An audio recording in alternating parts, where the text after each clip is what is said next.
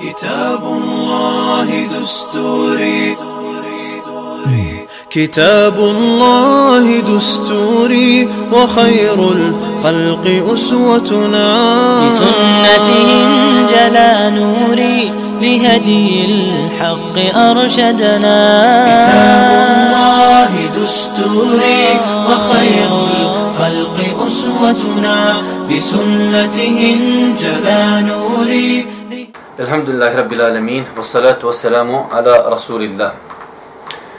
Prije se svaka zahvala pripada našim gospodaru, Allahu subhanu wa ta'ala, salavat, selam i mir na Allahu poslanika, ali se ratu selam njegovu porodcu, časni ashabi i svi koji slijedi na putu istine do sudnjega dana.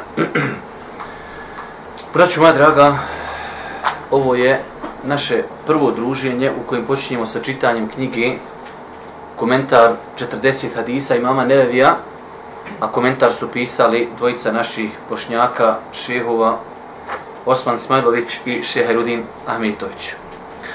Prošli put, prošli sedmice smo trebali početi sa ovim projektom, ali eto, zaista ja sam sa, iz Sarajeva, iz dole Salipašnog krenu i upo puta sam onaj zaustavljen. Tako da, onaj, i, ajde da kajem, tražim halala od svih onih koji su eventualno bili došli i koji su htjeli da pristuju dersu većinom imate svi knjigu i preporučujem vam svima da pročitate uvodnu riječ koju su napisali komentatori Hadisa Šeh Osman i Šeh Hajrudin.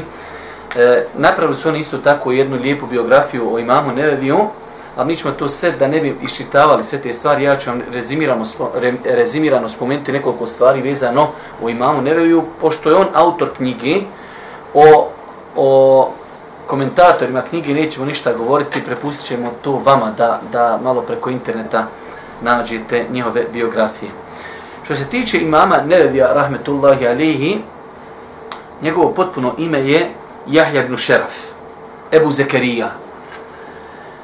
Iako nije se nikada ženio i nije imao djece, imao je kuniju i to je islamska ulema i e, smatrala pohvalnim da čovjek ima kuniju. U arapskom jeziku kunija je kad čovjek ima nadimak po djetetu. I to je pohvalno. Boži poslanik alaihi salatu selam, Muhammed alaihi selam, imao je kunju Ebul Qasim. Pa je e, Jahja ibn Šerafe, Nevevi rahmetullah, je njegova kunja, njegov nadimak je Ebu Zekerija. Nije se znači nikada, e, nije se nikada ženio i nije imao djeci. Umro je relativno mlad, u 46. godini svoga života, a iza sebe je ostavio nešto mnogo, mnogo kada je u pitanju nauka, o čemu ćemo malo poslije govoriti. Rođen je 631. godine, što otprilike odgovara eh, 1234. godini. Od rane mladosti se moglo vidjeti da, da je to čovjek pred kojim je velika budućnost navode neki učenjaci iz njegovog vremena koji su živjeli u to vrijeme, a koji su stariji od njega. Kaže, znali smo vidjeti mama Nevevija, njemu je bilo 10 godina, kako ga djeca gone u ulicama da se s njima igra, a on kaže, bježi, plaći i uči Kur'an. Od rane mladosti, znači, posvetio se Kur'anu, hivzanju Kur'ana i nauci. Svakako vidjet ćete poslije, interesantno je zapažanje jednog šija koji je spomenuo desetak faktora koji su uzrokovali da je imam Nevevi tako u kratkom roku postao veliki alim i ostavio iza sebe veliku naučnu blago, e, koji su to faktori? Jedan od tih faktora jeste što je mlad počeo da, ajde da kažemo, stiče nauku i znanje. Rođen je u mjestu koji se zove Neva. Zato se zove Nevevi, mjesto Neva, Nevevi. Imate u većini slučajeva tako se učenjaci pripisivali mjestu odakle dolaze. Čak imate naši učenjaci koji su živjeli prije 100 i 200 godina, koji su pisali knjige, Mohamed ibn Ahmed, Mostari. Znači čovjek koji iz Mostara, kaže se za njega Mostari i tako dalje. Ovo mjesto je u Siriji i nije daleko od Damaska, pa imam Nevevi Rahmetullah Jalih u 19. godini života, otac ga je doveo u Damask i tu je posvetio mnogo svoga vremena e, tragajući za naukom.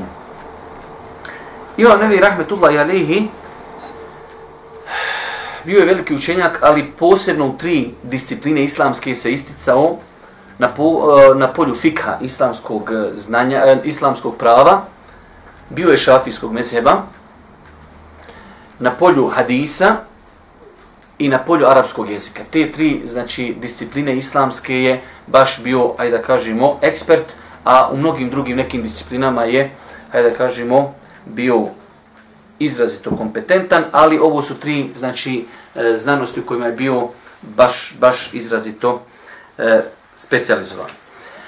Bio je poznat po skromnosti, bio je poznat po pobožnosti, bio je poznat po bogovojaznosti, izrazito je bio poznat po naređivanju na dobro i odraćanju od zla. Čak, znači, e, mnogi događaj iz njegove biografije i iz njegovog života ukazuju da je čak, znači, vladarima tog vremena, emirima tog vremena, da ih je savjetovao, da ih je kritikovao, da je pisao, da je ukazivao na određene propuste koji su imali vladare tog vremena.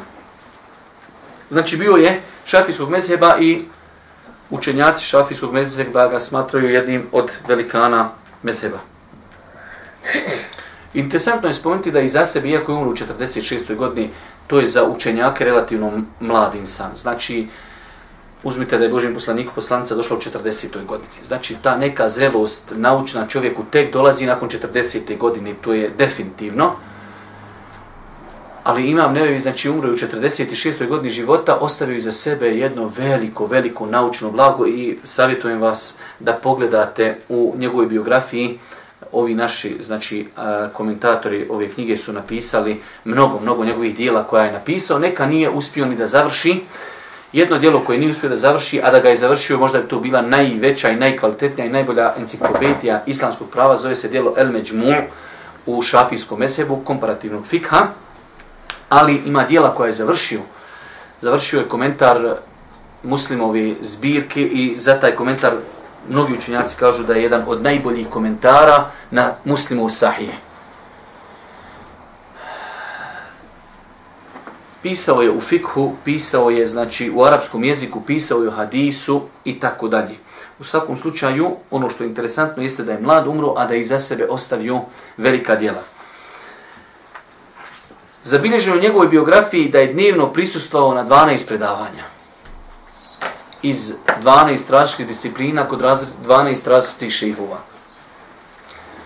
I čovjek koji vidi i pogleda put njegove nauke, vidjet će da je većinu dijela koja je pisao, pisao je iz disciplina gdje je prisustvao tim učenjacima i njihovim dijelima.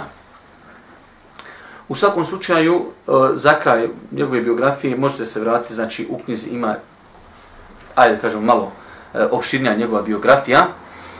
Jedan od šehova, govoreći o njemu, Ahmed Abdulaziz Qasim, spomenuo je za svoje zapažanje neki faktori zašto imam nevevi, ajde da kažemo šta je tu bilo razlogom da je dostigao takav visok naučni nivo, a preselio je relativno mlad. prva stvar.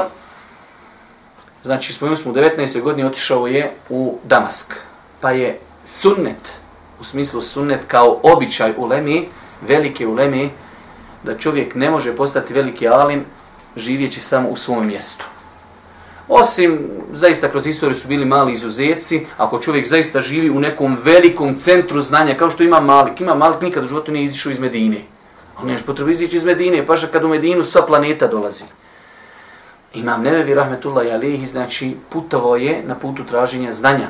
Kad uzmete imama Buhariju, kad uzmete imama Muslima, kad uzmete znači bilo koji velikog učenjaka, sve su to ljudi koji su znači od istoka do zapada što se tiče islamskog svijeta, obično su to pješice nogama, obilazeći u lemu, piši, pišući i tako dalje. Tako da je, e, znači, jedan od faktora, insan koji želi da postane nešto veliko u životu, mora biti spreman da putuje, mora biti spreman da traži znanje. Isto tako, marljivost i trud, imam nevevi, pazite, 12 tersuva dnevno prisustovati, samo prisustvovati, kad ćeš i ponovit, kad ćeš i učit, kad ćeš, znači, e, treba tu dosta nadljivosti i truda. Isto tako, mnošto desova, insan koji hoće da se koristi, mora biti spreman da pristuje na mnogim desovima. Svakako, u sve to što je bio madljiv, Allah Đaršanu mu je podario da je bio inteligentan. Pa se objedinila inteligencija i šta? Trud. Iako su nama govorili neki profesori, veoma, veoma rijetko se dešava da inteligentni ljudi postanu velikani. Znači, inteligencija čovjeka više ubije nego što ga pomaže. On se uvijek oslanja na svoju inteligenciju. Ma mogu ja to, ja ću to, ako Bog da za jednu noć pročitati, ja ću to naučiti. I on se uvijek oslanja na inteligenciju i uvijek ga njegova inteligencija ubije. Dok ljudi koji su ili prosječno inteligentni ili ispod, oni zagriju klupu i to je poznato svugdje na fakultetima danas da tako ide. Isto tako, Imam Nevi Rahmetullah Jalehi učio je pred najvećim učenjacima svog vremena, tako da i to, znači, neki običaj da neko ko hoće da postane velikan svog vremena, on mora, znači, pokupiti znanje od najvećih ljudi u tom vremenu. Isto tako, Imam Nevi Rahmetullah Jalehi imao je materijalnu mogućnost pa je mogao sebi obezbijediti knjige iz kojih će čitati, učiti, što je jedan od razloga e, sticanja velikog znanja. I na kraju, jedna od veoma bitnih stvari zašto je postigao znanje koje je postigao jeste da je to znanje prenosio. Da je znači e, od rane mladosti i pisao knjige i da je držao predavanja i da je ljude podučavao, tako da jedan od najboljih načina i metoda da čovjek se poduči nečemu jeste da prenosi znanje.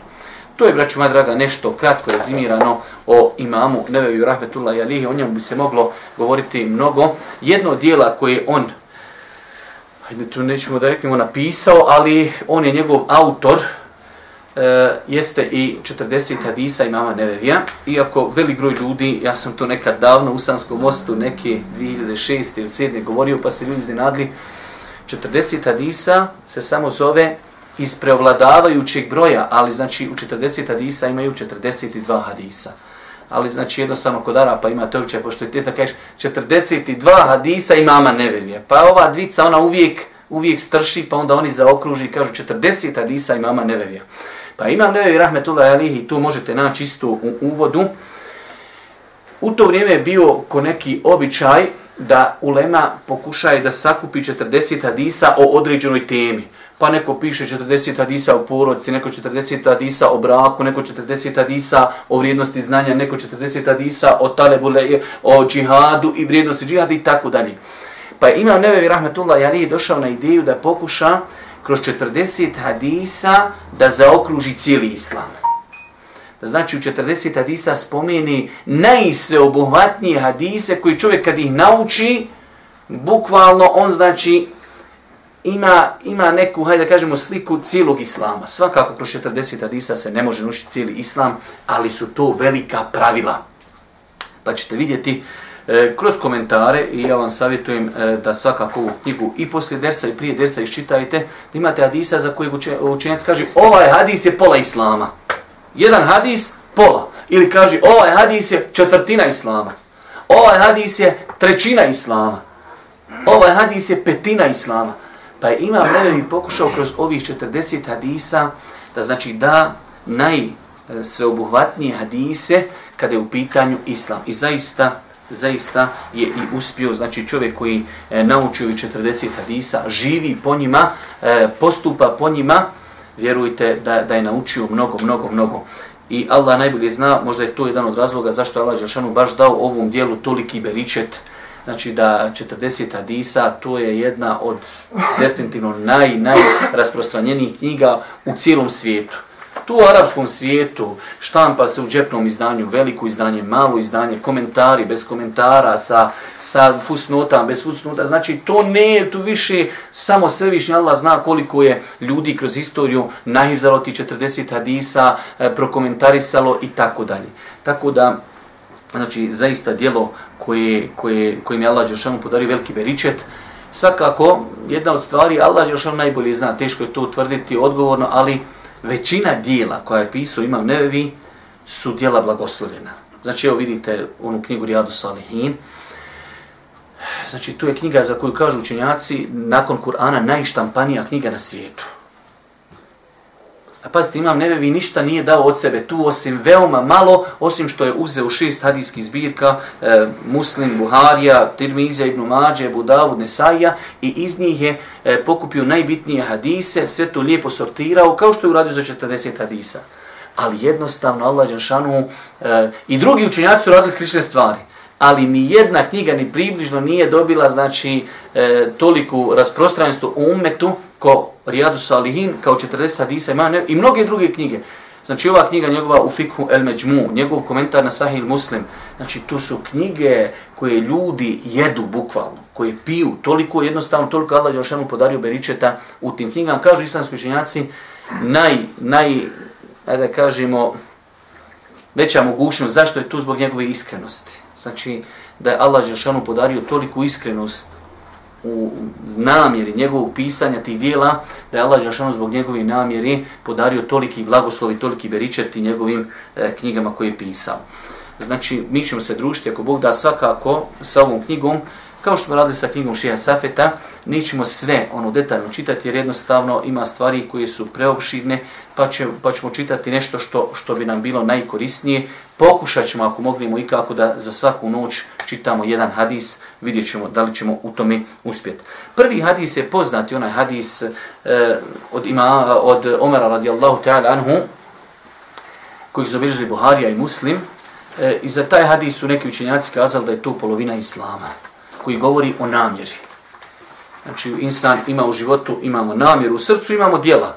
Pa ovaj hadis nam govori o namjeri. Znači, govori o polovini Islama i jedan veoma, veoma bitan hadis, imam Buhari, rahmetullahi alihi, počeo je svoj sahih sa ovim hadisom.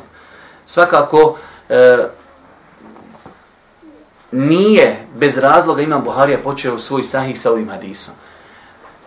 Islamski učenjaci kad počinju zbirke s ciljem stavljaju šta je prvi hadis, šta je zadnji hadis zbog određenih znači bitnosti. Tako i imam e, Nevevi Rahmetullah Jarihi počeo je e, svo, svoje dijelo 40 hadisa imama Nevevija sa ovim hadisom pa da čujemo ovaj hadis.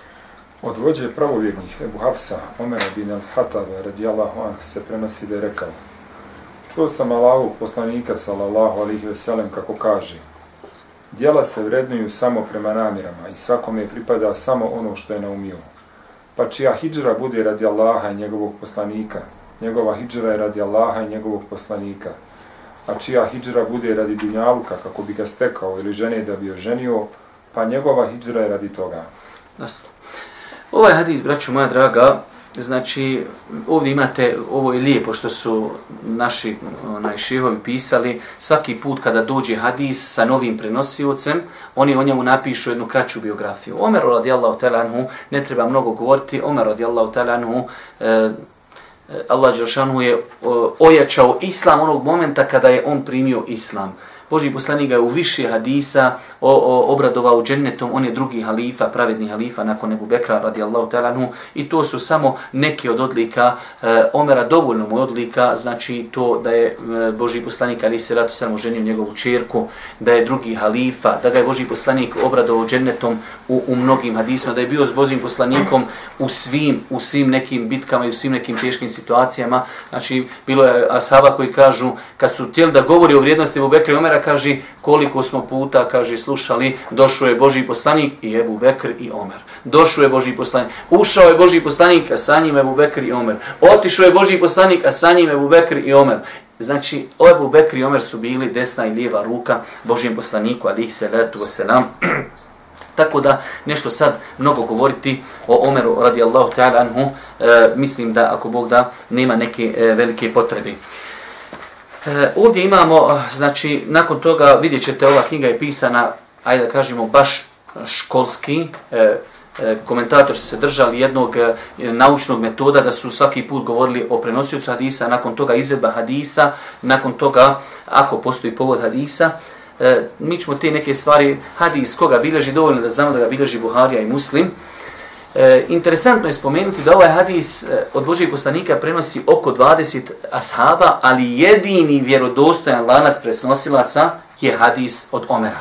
Znači jedino ko prenosi ovaj hadis, iako je pola islama, jedan ashab ga samo prenosi vjerodostojnim lancem prenosilaca.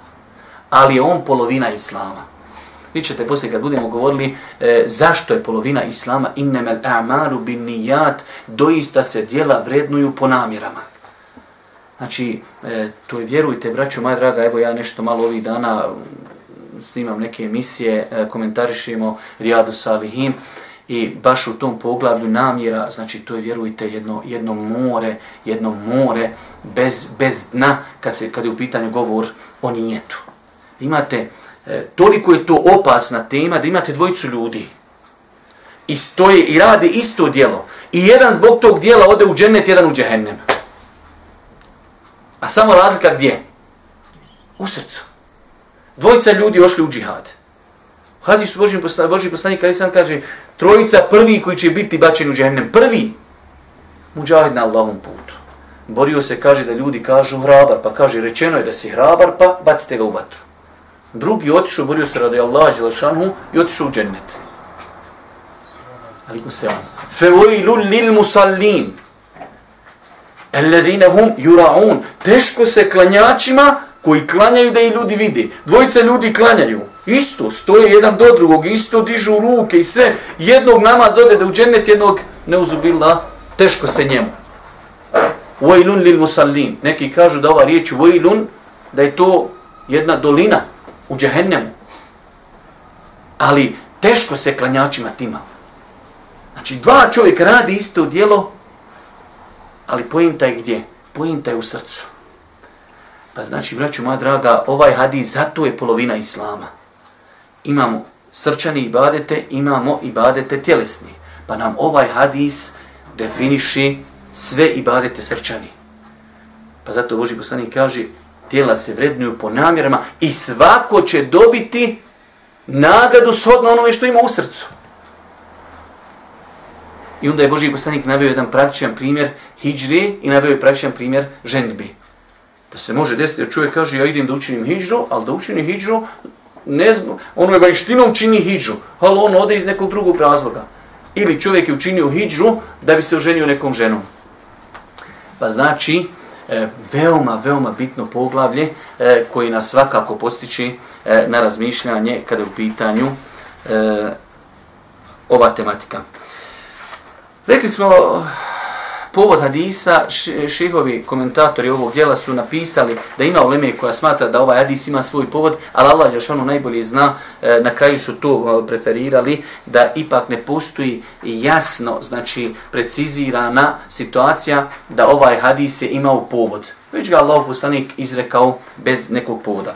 Nakon toga vrijednost i značaj ovog hadisa ima Buharija Ovo je veličanstven hadis i jedno od velikih islamskih pravila od izuzetne važnosti. Ima Buhari, rahimahullahu ta'ala, rekao, između svih predanja Allahog poslanika, salallahu alaihi veselim, nema sveobuhvatnijeg i korisnijeg hadisa od ovoga. Šta mislite? Imam Buharija, koji je, znači, emirul mu'minin u hadisu. On je vođa pravovjerni za hadis. On kaže, nema sveobuhvatnijeg hadisa u islamu od ovog hadisa kad to kaže, imam, to isto kad danas imate čovjeka, ono, haker, i on ti kaže, ovaj antivirus nema. Završeno. E, kad imam Buharija, kaže, ovo je najsveobuhvatniji hadis u islamu, onda definitivno, onda su to velike riječi. Šta kaže, imam nevevi? Imam nevevi, rahimahullahu ta'ala, rekao je, svi muslimani su složni po pitanju važnosti ovog hadisa, njegovoj vjerodostojnosti i mnoštvu koristi. Znači, generalno, mi smo rekli, hadis bilježi Buharija i Muslim, e, od Omera radijallahu taranhu i po konsensu islamskih učenjaka ovaj hadis je vjerodostojan svakako e, sa svim njegovim ovim koristima. Abdullah ibn Mehdi. Abdurrahman bin Mehdi, rahimahullahu ta'ala, kaže na svakom onom koji želi da piše naučno djelo je da otpočne to svoje djelo sa ovim hadisom, podsjećajući onoga koji traži znanje na popravljanje i čišćenje nijeta. Znači, ovaj šej kaže, alim, svi ljudi koji hoće da piše bilo koju knjigu, prvo što će napisati u ovoj knjizi je taj hadis. Da onaj koji piše knjigu i on sam sebi zna, treba da pišem radi Allaha. A i onaj koji sutra bude čitao, da i on kaže ja trebam ono što pročitam, da čitam radi Allaha i da to praktikujem radi Allaha. Ebu Davud. Ebu Davud, rahim, rahimahullahu ta'ala, rekao je, ovaj hadis predstavlja polovicu fika. Polovica fika. Znači, cijeli fik, ovaj hadis kad znaš i znaš e, koristi koji proizilazi iz njega, znaš polovicu fika. Ima Mahmed? Ima Mahmed, rahimehullahu ta'ala, rekao je, temelji Islama izgrađeni su na tri hadisa. Jedan od njih je hadis koji prenosi Omer radijallahu anhu. Doista se sva djela vrednuju prema namjeri. Ibn Ređeb dole. Ibn Ređeb, rahimehullahu ta'ala, rekao je, ovaj hadis je jedan od hadisa po kojih kruži cijela vjera. Dole, zbog važnosti ovog. Zbog važnosti ovog hadisa, mnogi učenjaci hadisa su odpočinjali svoje hadiske zbirke ovim hadisom, poput imama Buharije, koji ovim hadisom otpočeo svoj sahih, imama Nevevija koji ovim hadisom odpočeo svoja djela El Eskar, Rijadu Salihin i ovu zbirku od 40 hadisa. Dosta, da. Znači vidite, oni su naveli ovdje e, još imena, ali pošto nam je nekad teško izgovarati o ove arapske riječi koje su na transkripciji, e, mnogo je bilo učenjaka koji su baš to islijedili da su prvi hadis u svom dijelu koji pišu stavi ovaj hadis. E, tema hadisa. Tema hadisa. Hadis pojašnjava važnost nijeta, odnosno namjeri u svim dijelima i shodno tome govori koja dijela uzvišeni Allah prima, a koja ne. To jest za koja dijela će čovjek biti nagrađen, a za koja ne na drugom svijetu. Naši prijetodnici o iskrenosti.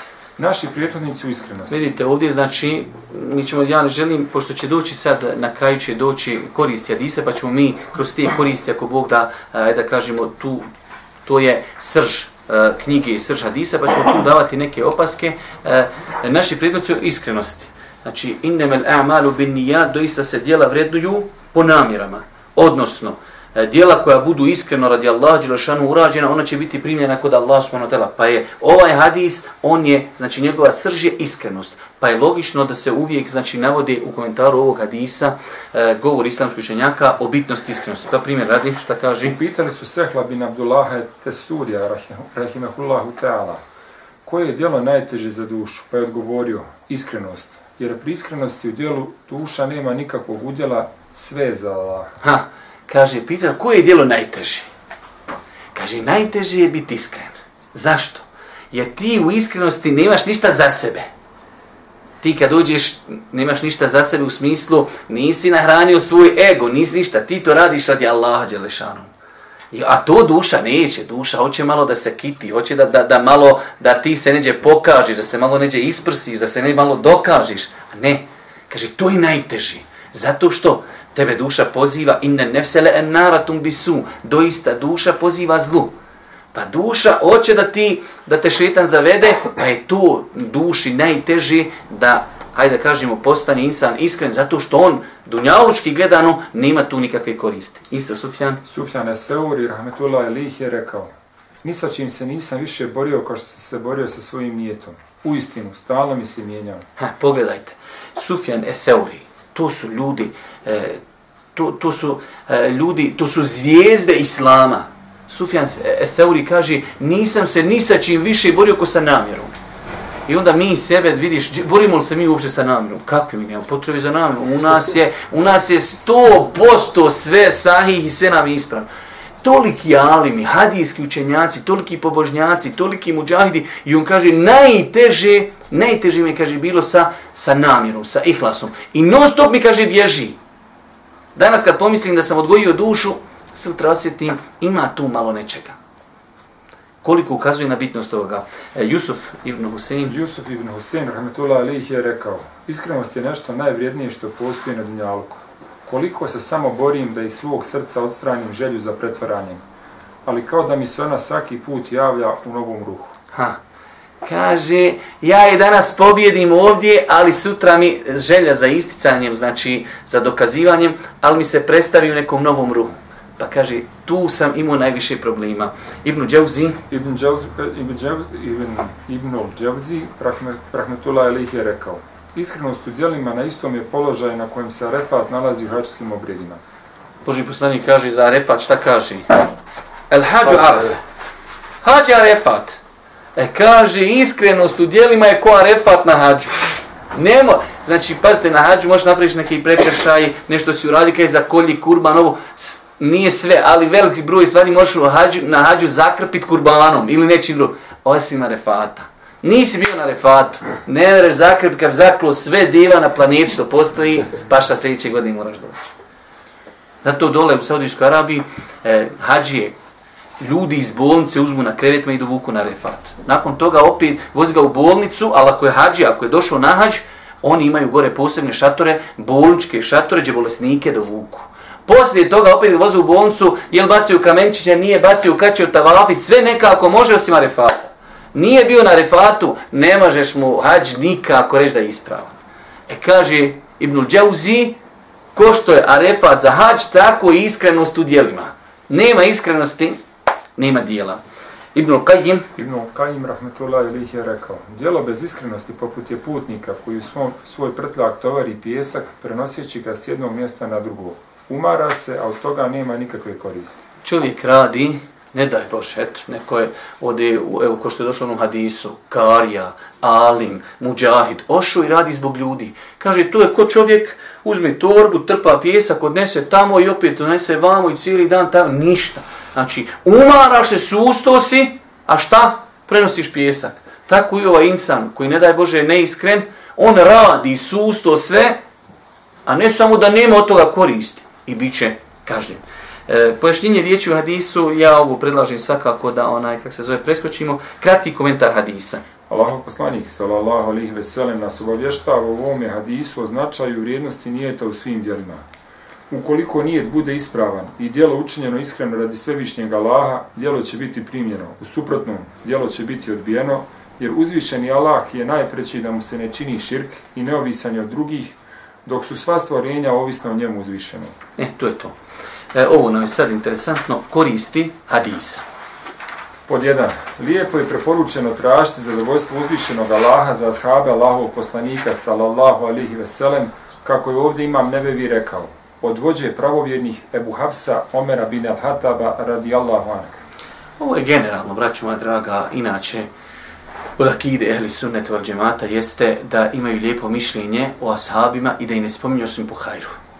Pitanja koja se desila među ashabima, čovjek znači treba da zna da su to pitanja ičtihada i znači čovjek treba da kaže potrudili su se, oni koji potrefe istinu imaće dvije nagrade, oni koji pogriješe imaće samo jednu nagradu. Ali su to pitanja ičtihada i ne spominje ashabe Allahog poslanika osim po hajru. To je znači akida ehli sunnete. Kad vidite čovjeka, počne kaže, pa Ebu Hureyre, pa ova jasa, i počne negativno, paša, odmah nek se pali lampice. Ne mora značiti da je Rafidija, da je Šija, ali odmah nek se lampice pali.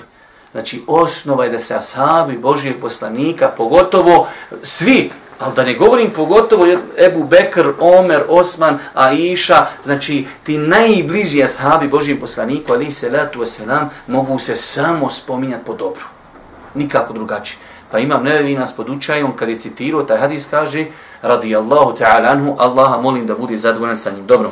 Pod dva, hadis jasno ukazuje da nema djela, a da se ono ne radi sa namjerom.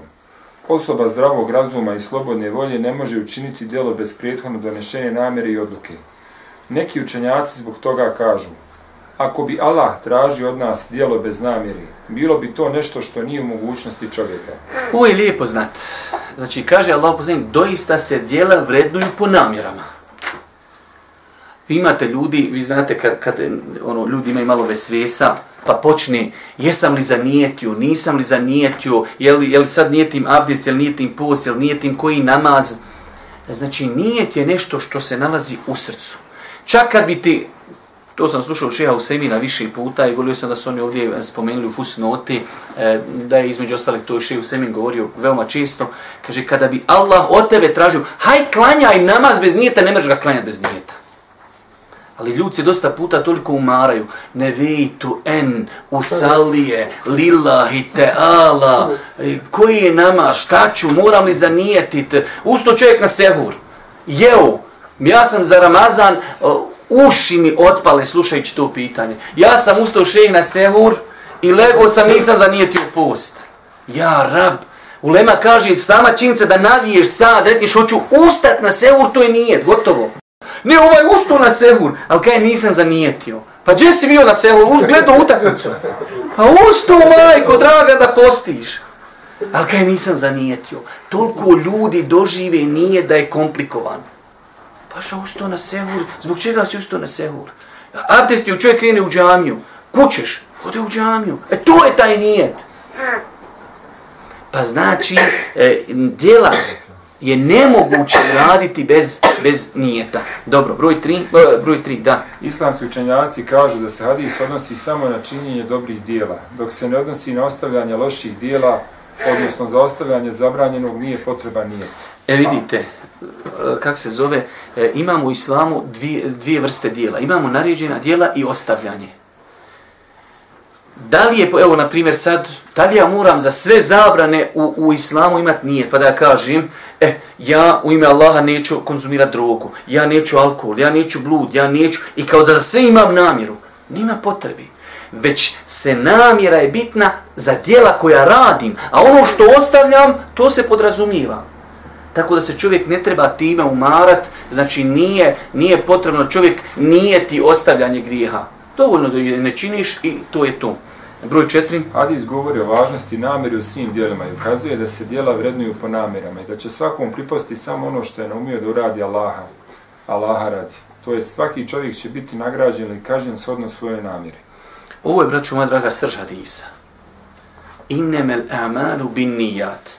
Vidjet ćete, poslije ćemo, inša Allah, shodno koliko nam bude vremena, e, ostalo, e, koliko, evo, primjera radi. Krenuo si danas na predavanje i uzmeš miris, bit će više braće tam vam da se namiriši. To je lijepa, lijepa namjera, da ne želiš da nekoga uznemiravaš. Ali puno ljepša bi bila namjera da kažeš idem da se namirišem jer se mirisi u Božji poslanik. A druga namjera mi je da ne uznemiravam nikog lošim mirisom. Lošim, eh, hajde reknimo, ili mirisom. Pa znači, pogledaj šta znači namjera. Ono što čovjek namjerava. Da ne govorim, rekli smo malo prije koliko je namjera bitna, da zbog istog dijela neko može otići u džennet, neko u džehennem. Znači, islamski učenjaci kada govori o nijetu, kaže Allah Đelešanu je propisao nijet zbog dvije stvari da bi se razlikovali ibadet jedni od drugih. Dođeš u džamiju i ljudi klanjaju podne. Možeš li ti odgovorno tvrditi da svi ljudi klanjaju podne?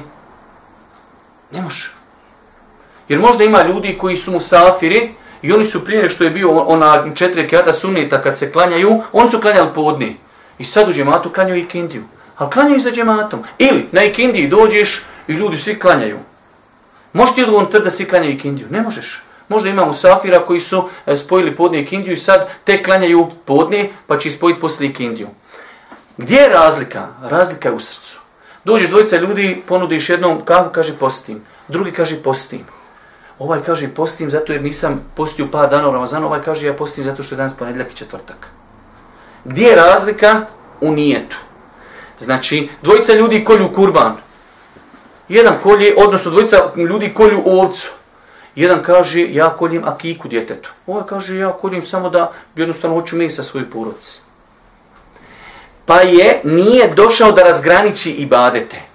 A gdje je to u srcu? Klanjaš duha namaz, posebno, znači zna se da je to podni namaz, kindiju namaz, akšam namaz, post. Čovjek izvadi 20 maraka i dadni nekomi sad, dadni nekomi. Šta je? Dvojica ljudi dali sadaku. Jedan kaže, ja sam izdvojio zekat. Ovaj kaže, ja imam neki kefare ta kamion, pa, pa sam morao kefare da izdvojim. Treći kaže, ja sam dao nako sadaki. Svi isto djelo radi, a svi različiti. Zašto? Zbog nijeta. Zbog toga je nijet propisan. I druga stvar jeste kome se djelo čini. Nijet je došao da precizira da li se djelo čini Allahu ili nekom je drugom. Pa smo rekli, dvojica ljudi radi isto djelo, jedan ga radi radi Allaha, jedan ga radi radi ljudi. Pa znači, veoma je bitno da znamo ovi momente, da, su, da, da je nijet propisan da bi razgraničio ibadete i da bi ograničio kome mi činimo ibadet. Dobro, broj pet. Stoga nas ovaj hadis podsjeći da u svim našim dijelima budemo iskreni prema Allahu, to jest da sve što radimo, radimo radi njega uzvišenog. Jasno. Ovaj hadis, innemel amalu bin nijat. Pazite, ja onaj, volim braći kazat, jučer sam imao jedan slučaj, malo neko brašno konsultanje, ja kažem tim brašnim supružnicima, rekao, puno je bitno da budete iskreni jedno prema drugom. E to je taj moment. Ti nešto radiš, ne, ne može ti niko ući u tvoje srce zašto ti to radiš. Ti znaš zašto to radiš. Evo sad čovjek sjedni i uči Kur'an. Možemo mi, ne daj Bože, reći, Boga mi ovaj se pretvara. Allah zna. Možda jes, možda mi. Osnova je mi muslimana kad vidimo da radi dobro djelo, kažemo ime Allaha radi. Ali ti znaš da li to radiš radi Allaha. Pa insan treba neprestano šta? Da se preispituje šta je, gdje je njegov srce, zbog koga to radi, da li je to da se ljudima pokazao, da li da, da se dokazao. Pazite, tako mi je Allaha, e, ne želim da govorim o sebi, ali danas mi živimo u najtežim vremenima u historiji. Ko do, stane kućabe čabe, čovjek dovi, jednom rukom dovi, jednom selfie gruha. Paša, šta je to? Evo, hoćeš uslikaš kjabu, ok. Usko sebe pored kjabe, aha, ok. Sad čovjek stao na etahijatu i jednom se rukom selfie slika. Ja, rab. Odnio paket, uslikaj. Postio iftar, uslikaj. Klanjo, uslikaj. Dovi, uslikaj. Ja, rabe, na, ljudi. Znači, prvi, prva stvar koju Selef navodi, eh, pokazatelj iskrenosti, sakrivanje dobrih dijela. Prvi pokazatelj, a ima ih deset. Prvi pokazatelj sakrivanje dobrih dijela. Danas je to, ne postoji se. Danas kad bi rekao sektor, sam rekao, halo, pa jesi normal, pa imaš ti Facebook, čovjek, pa jesi ti normalan. Danas šta god slikaj, piši, ja u ime Allaha dao, ja bio, ja obavio, ja udjelio, ja napravio, ja klanio i tako dalje. Pa insan treba, braću, ma dragovim teškim, makar bio gari, makar bio čudan, mora da se nosi sa tom bolešću da ne dozvoli sebi da se igra sa tim da, da svoje ibadete drugim ljudima predstavlja. Dalje. Svevišnji Allah neće primiti djelo osim ono koje bude učinjeno u potpunosti radi njega.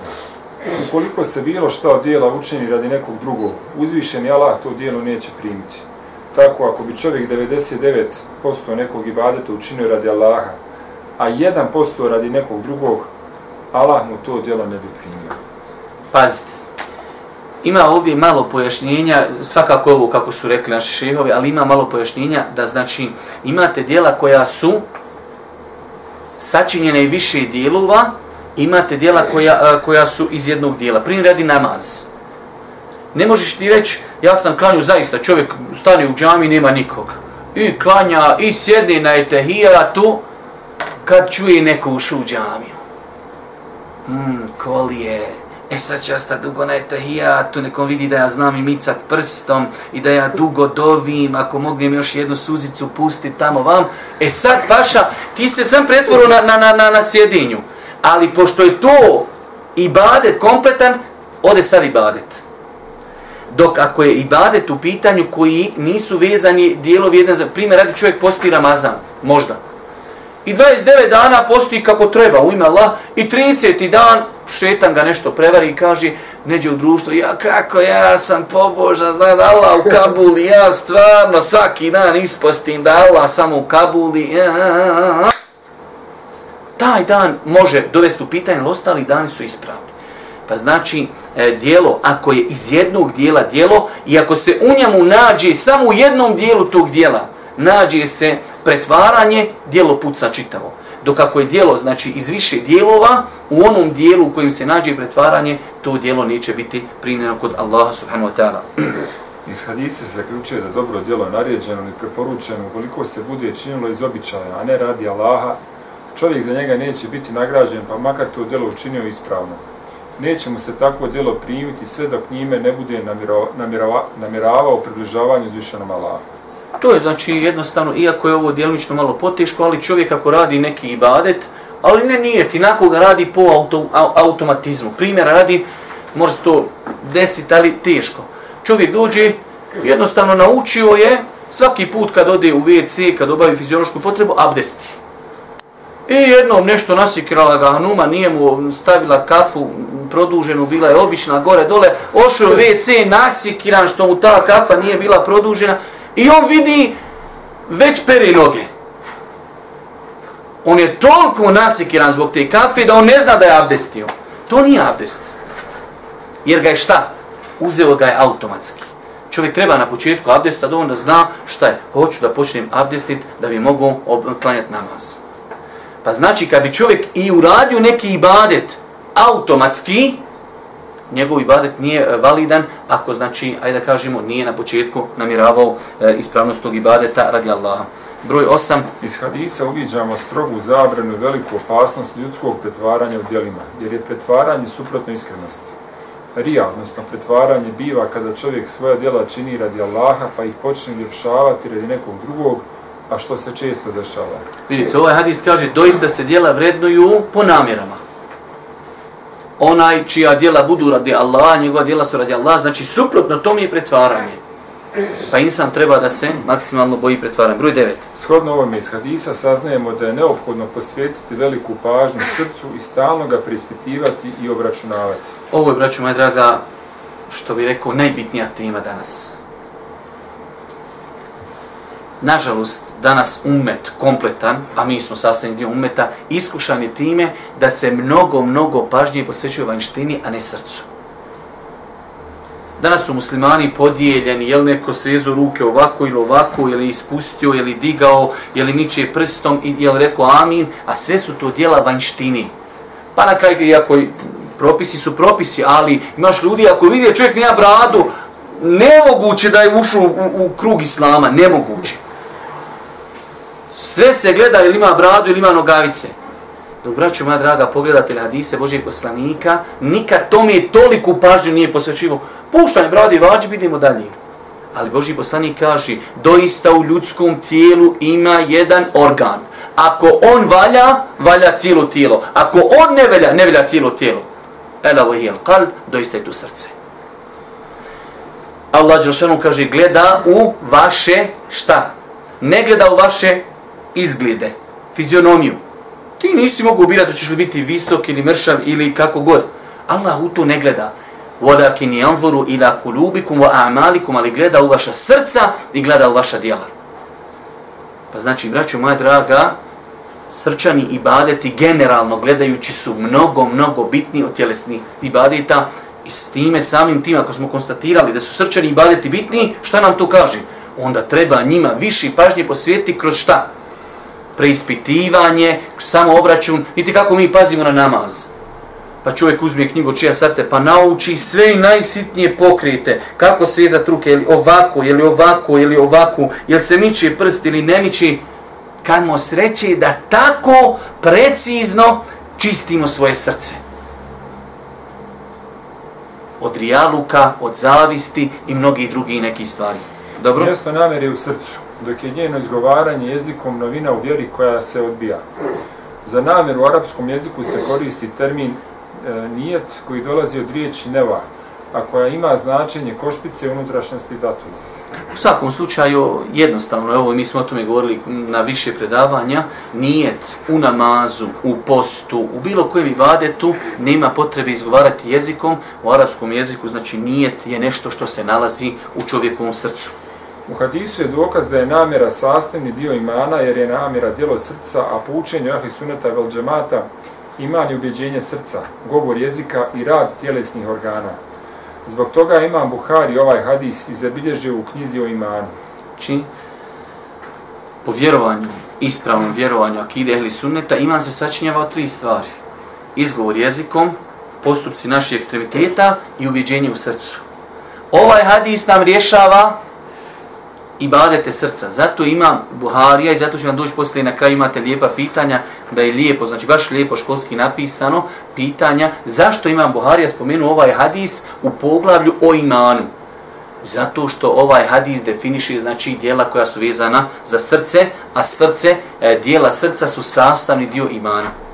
U hadisu je dokaz da je namjera sastavni dio imana, To, jer je to sam čito 12 ljudi se prilikom činjenja svojih dijela razlikuju u namjerama, pa će različito biti i nagrađeni.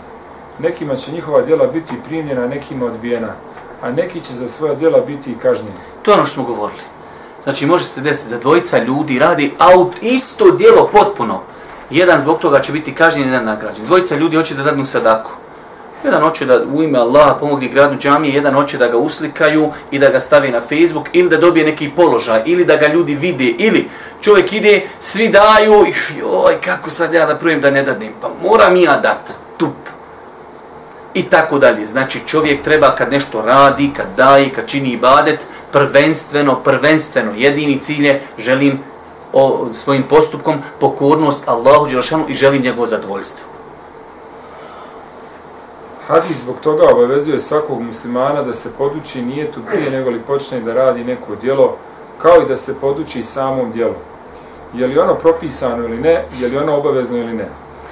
Zato, braću moja draga, o, o, ova korist nam ukazuje generalno na jednu veliku korist, a to je da moramo imati znanje fa'lam ennehu la ilaha illa. Znaj da nema Boga osim Allaha. Prvo znači znanje, pa postupci. U nas je šta? Oženi se brat i razvede se i onda zove še, e, še, ide mi kaži, čije je dijete? Čije? Aj znaj čije, kad si zapetlio paša to, ima nego Anife da dođe, ne mogu od petla šta si uradio Belaja. Paša nazovi prije vremena vjenčuo se, razvjenčuo se, bio na hađu, postio, klanju, završio sve i onda zove tebe. Paša zove prije vremena. Pa znači prvo, e, ako je to za neke fizičke ibadete, mnogo je prioritetnije da se podučimo po uglavlju nijeta u islamu. Ja sad, pošto je to pripremio neka predavanja, jedan ših napisao je knjigu o ihlasu na oko 700 stranica samo o ihlasu, samo o, o nijetu, samo o bitnosti toga, samo o rijaluku, samo o pokazateljima i mnogim, 700 stranica Naučno djelo. To moraš iščitati. Jer te to može koštati. Pa čovjek košao u džihad, da dadne svoj život i ode u džehennem. Zato, zašto? Zbog namjeri. Čovjek alim godinama sjedio, čovjek hafiz Kur'ana godinama ponavljao Kur'an, ode u džehennem. Krupne stvari, tako mi je Allah, krupne stvari. Mi danas, znači, mi imamo problem da se natjeramo da uradimo dobro djelo. Ama natjerat se da uradiš dobro djelo, to je nešto e, drugorazredno koliko je problem da očistiš namjeru. Ko se smije, ajde da kažem ono zagled, kaže, ja sam to djelo iskren radio radi Allah Đelša. Ne želići da me vidi, ne želići ovo, ne želići ono, ne, samo radi Allaha. Ili se jako govorio, kaže, kada bi znao da mi Allah primio jednu seđnu, jedno sklanjanje kamena s puta, kaže, ja bi očekivao džennet. Kod nas šta su? Pa sva su mi djela iskreno ime Allah. I sva sam i na Facebook objavio. Nek vidi narod. Dalje. Hadis ukazuje na zabranu traženja dunjaluka djelima ahireta i govori koliko je to prezreno. To jest, čovjek od toga na ahireti neće imati nikakvu korist, već će samo na dunjalku dobiti ono što je tražio. Znači, dijelima ahireta da tražimo dunjaluk. Čovjek radi dunjaluk, radi dunjaluka. Čovjek peče hljebove, prodaje ljudima hljeb i uzima novac. Radi dunjaluk za dunjaluk, tu nije ništa sporno. Ali raditi dijela ahireta za dunjaluk. Evo, to je, znači, opasna stvar. Isto tako, dalje. Hadis govori o vrijednosti iskrene hijđre, to je preseljenja iz nevjerničke zemlje u zemlju Islama, iz zemlje u kojoj je vjernik strahuje za svoju vjeru, u zemlju u kojoj je siguran po pitanju svoje vjere, gdje će, uči, gdje će učiti i raditi ono što kaže uzvišeni Allah i što kaže njegov poslanik, sallallahu alihi veselem. Broj 18. Hadis upozorava na zavodljivost Dunjaluka te pojašnjava da čovjek može da učini jedno od najboljih dijela u islamu, hijđu, radi Dunjaluka samo. Vidite, Boži poslanik ovdje, u to vrijeme, kada je živio Boži poslanik u Mek i kada je nariđeno da se čini hijđa u Medinu, to je bilo jedno od najboljih dijela. Zato je Boži poslanik kada je osvojio Meku iz Medine, došao je svoju Meku, šta je rekao? La hijđrate, padel fet. Nema više, nema više hijđi. Ima nije da ljudi kažu ja da sam bio s poslanikom, ja bi učinio hijđu. Ali opet Boži poslanik navodi primjer da ima ljudi, i ako bi još prihvatili činjenicu da je povod izjave hadisa, da ima povod, iako im šal tačno da nema, znači ima ljudi koji su učinili hijđu zbog ženi. Ona otišla tamo, ne može sa šta će, poželio je, preko Facebooka se upoznali, moraš ići za njom. Pa znači čovjek može jedno veliko dijelo da uradi. Ko što su ova tri dijela u ovom hadisu spomenuta? Džihad, ilm, e, karija, udjeljivanje imetka, sve velika dijela. Upropastio i ko? Nijet. Pa insan treba da pazi na te stvari. Isto tako, 19. U hadisu se nakon općenitog spominjanja Nunjaluka posebno spominje žena, što ukazuje da je žena posebno iskušenje za muškarce zbog kojeg će neki čak činiti jedno od posebnih dijela u islamu. Hidžet. To je bilo u to vrijeme, sad to više nije to aktuelno. Sad su ženje manje, manje iskušenje nego što su bile prije. 20. No comment. Ova, ova 19 napišite na njih no comment. Primjer lijepog načina podučavanja od strane vjerovjesnika sallallahu alaihi ve sellem koji je prvo spomenuo osnove glavna pravila, a zatim ih je pojasnio na jasnom i upečatljivom primjeru. Vidite kako ide, kako je Boži poslanik kao najbolji pedagog pojasnio prvo znači pravilo u islamu, innemel a'malu bin nijat, pojasnio je pravilo, to je znači pravilo pod koje potpada toliko pitanja, svako će dobiti nagradu za ono što je e, nijetio, pojasnio je šta proizilazi iz toga, nakon toga naveo dva primjera, primjera hijđi i primjera ženi. I to je znači gledano sa nekog, hajde da kažemo, e, pedagoškog e, aspekta, to je savršenstvo. Pojasniti pravilo, pojasniti nagradu, zato nakon toga pojasniti primjere koji će to, e, hajde da kažemo, učiniti jasnim. E, pravila, e, ovo dole smo mi pojasnili, broj 21, e, pravila iz hadisa. Djela, fiksko pravilo. Djela se vrednuju po svojim namjerama. To jest rezultat riječi djela i njihov propis razlikuje se shodno njihovim namjerama. Na primjer, jedna osoba uči i zapamti Kur'an na pamet da bi se Kur'an za njega zauzimao na sudnjem danu. Dok druga osoba nauči na pamet Kur'an da bi se za nju reklo da je hafiz Kur'ana. Rezultati ovih dviju osoba će se razlikovati shodno njihovim namjerama, pa će se prvoj osobi reći uči i penji se u istinu tvoje će mjesto biti kod zadnjeg ajeta kojeg proučiš, dok će druga osoba biti od prvih kojima će se raspaliti džehennem na sudnjem danu. Vidite, znači, iako ja sam stavio sebi ovdje kao upitnik, ovo je djelovično malo upitno koliko je to fiksko pitanje, ali je dobar primjer za pojašnjenje kako jedno dijelo može imati, znači, isto dijelo imati dva različita kraja. Hivz Kur'an, čovjek hivza Kur'an, radi Allahovog zadovoljstva, E, želi da živi po Kur'anu i na sudnjem danu će se njemu kazati uči i koliko znadniš ajeta gdje staneš znači sa zadnjim ajetom e, tu je zadnja deređa e, tebi u džennetu. Drugi čovjek isto mučio se učio sve hivzo ali je učio da ljudi kažu a ja, ja dobra glasa ja hafiza, e džesi hafize bujrum hafize, sjedi hafize ustani hafize, e sve si to hafize očefio sad ideš ovo nije zaista ismijavanje ni sa, ni sa kim, samo znači jednostavno da dokažemo, pokažemo kako sa istim dijelom čovjek može, ne daj Bože, e, postići i loše, a može postići inšala i dobro. Imamo ovdje e, 11 pitanja, evo na brzinu ćemo ih samo preletiti, iako Bog da, da bi stigli na jaciju. Citira hadis o važnosti iskrenog nijeta u djelima. Ja bi vam savjetovao, ako hoćete da uzmemo za obavezu, da učite sve hadise na pamet i da nakon što priđemo knjigu da, da imamo istoga ispit. Zapamte e, da oni koji se budu toga pridržavali da će oni najveću korist imati. Šeju Semin je govorio, kaže, mnogo sam u životu čitao, ali ono od čega sam se koristio, ono od čega sam, šta sam naučio na pamet. Ja sam pristovao e, komentaru s, e, 40 hadisa, Nevevija, 97. I tada sam učio te hadise na pamet.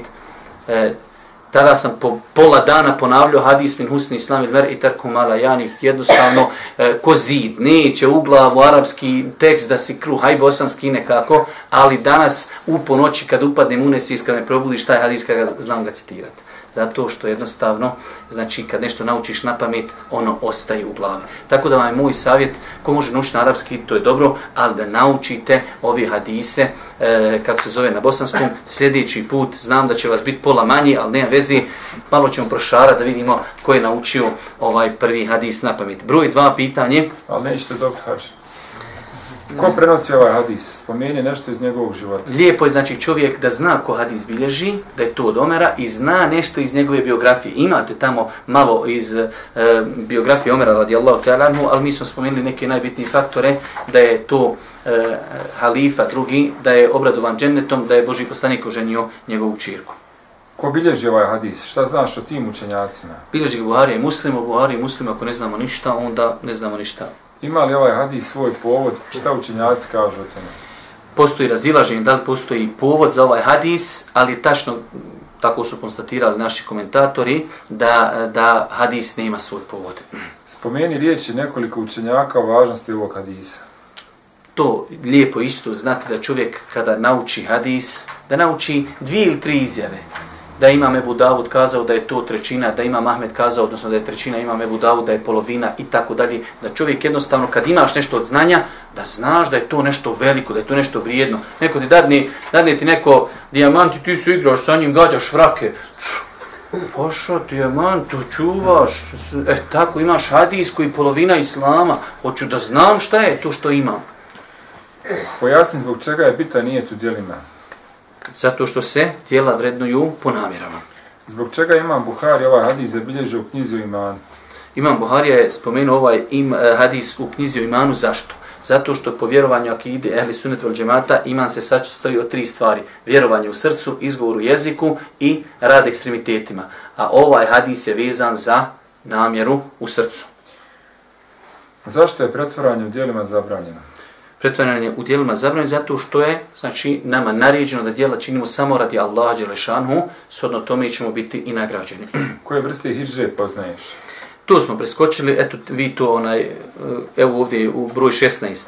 Hidža ima više značenja, jedno e, od značenja hidžri jeste ostavljanje grijeha. Da čovjek, znači, bukvalno e, kao što je napustio svoje rodno mjesto i otišao negdje gdje može ispoljavati islam, isto tako da se odali od grijeha i to je jedan vid, hajde da kažemo, hidžri. Navedi deset koristi iz ovog hadisa. Imamo 21, sam 10 da naučite, ništa više. Spomeni pravilo koje proizilazi iz ovog hadisa imamo ovo pravilo gdje, nam, gdje su nam šehovi spomenuli e, razliku dvojici ljudi koji uče Kur'an, pa znači imamo čovjeka koji naučio Kur'an da bi živio po Kur'anu, da bi se približio Allahu Đelešanu sa njegovim govorom, on će dobiti nagrad na sudnjem danu, obećanu u hadisima, a imamo drugog koji je učio samo da bi se za njega kazalo da je hafiz i za njega je spomenuta kazna. Molim Allah Đeršanu da ono što smo čuli bude korisno za nas, molim ga Subhanahu Tala da nas učesti na putu e, istini, molim ga Subhanahu Tala da nam pomogne u čišćenju naših namjera i na kraju Subhanahu Allahumma za bjamdike, ešhedu in la ilaha illa nistagfiruke, o etubu ilaika.